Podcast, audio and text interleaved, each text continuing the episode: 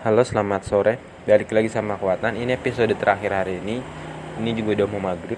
Aku mau sharing tentang sesuatu yang romantis yaitu memeluk kenangan. Kalau kita suka sama seseorang lawan jenis ya, pasti kita pengen banget menghabiskan waktu bersamanya. Misalkan saat senja pukul 5 sore kita berdua cerita, berpelukan, pegangan tangan itu udah bahagia kan, meskipun kecil atau menikmati malam sambil cerita terus pelukan. Menikmati malam dengan api unggun terus tidur di rumah masing-masing tentunya. Itu kayak udah bahagia banget gitu. Atau bareng teman-teman ya kan? Ngerjain pekerjaan bareng bersama itu seindah itu. Meskipun itu cuma hal-hal kecil tapi memorable berkesan berkenang. Jadi sebaiknya kita tuh selalu bisa jadi orang yang merawat kenangan. Karena setiap pertemuan itu pasti kan akan menemui perpisahan ya. Meskipun di dalamnya ada kebersamaan. Jadi aku tuh udah lama banget selalu menghargai namanya kebersamaan dengan orang lain. Aku bertemu seseorang nih apalagi makin lama kok aku makin suka ya sama dia. Bersama kan tapi aku juga nggak lupa bahwa suatu saat aku akan berpisah dengan dia. Entah Tuhan gimana cara memisahkan kita pasti kita akan berpisah.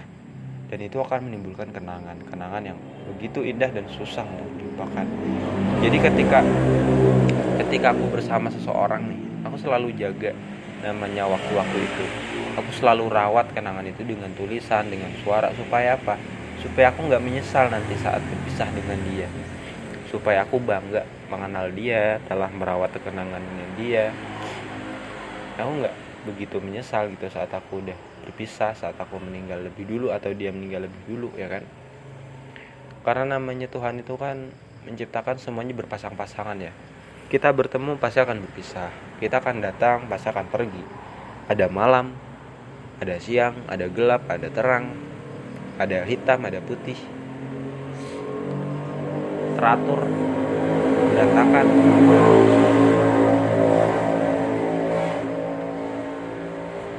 Ada berisik ada tenang. Jadi semuanya tuh udah diatur sama Tuhan seimbang. Bayangin deh kalau kita sihnya cuma pertemuan aja kebersamaan aja nggak ada perpisahan. Hidup kita pasti akan sumpah. Tapi kalau hidup kita isinya perpisahan terus kita akan ngerasa sangat kesepian.